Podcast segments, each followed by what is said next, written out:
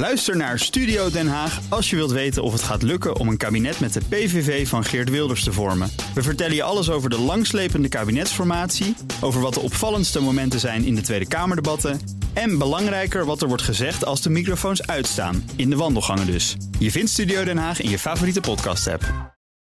De column van Marianne Zwagerman. Minister Ollongren heeft haar levenswerk gemaakt van het beschermen van de democratie tegen desinformatie. Eerst zouden de Russen zich met onze verkiezingen bemoeien. Een aperte leugen die de minister nooit terugnam. Nu heeft ze in corona een nieuwe stok gevonden om mee te slaan. In de Kamer stond een debat op de rol over desinformatie en digitale inmenging. Maar het ging al snel over ouderwets papier.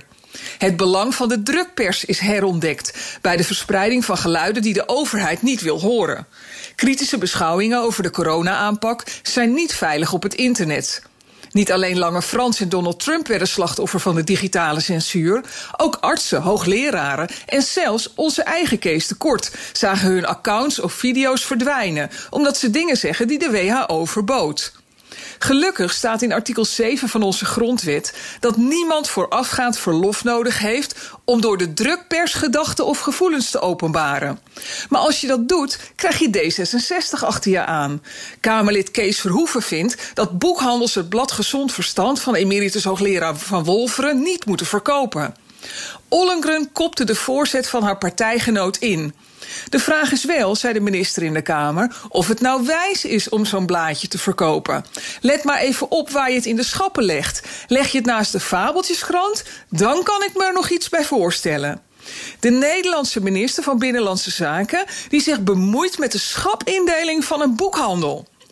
Nu ze die brug toch over is, hoop ik dat ze eens binnenwandelt bij een islamitische boekhandel. Kan gewoon in Den Haag of in haar woonplaats Amsterdam.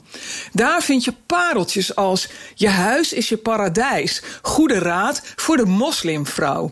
Een voorbeeld van zo'n goede raad. De vrouw is een herderin in de woning van haar echtgenoot. En ze is verantwoordelijk voor haar kudde.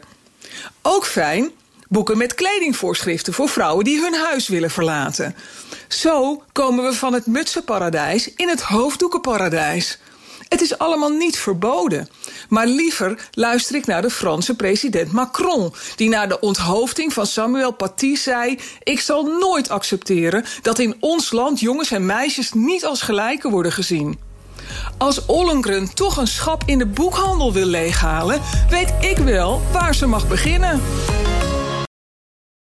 Ook Liesbeth Staats vind je in de BNR-app. Ja, heel handig. Luister live naar Kees en mij tijdens de Daily Move. Dan blijf je ook gelijk op de hoogte van breaking news en het laatste zakelijke nieuws. En daar vind je ook alle BNR-podcasts, waaronder de Perestrooikast. Download nu de gratis BNR-app en blijf scherp.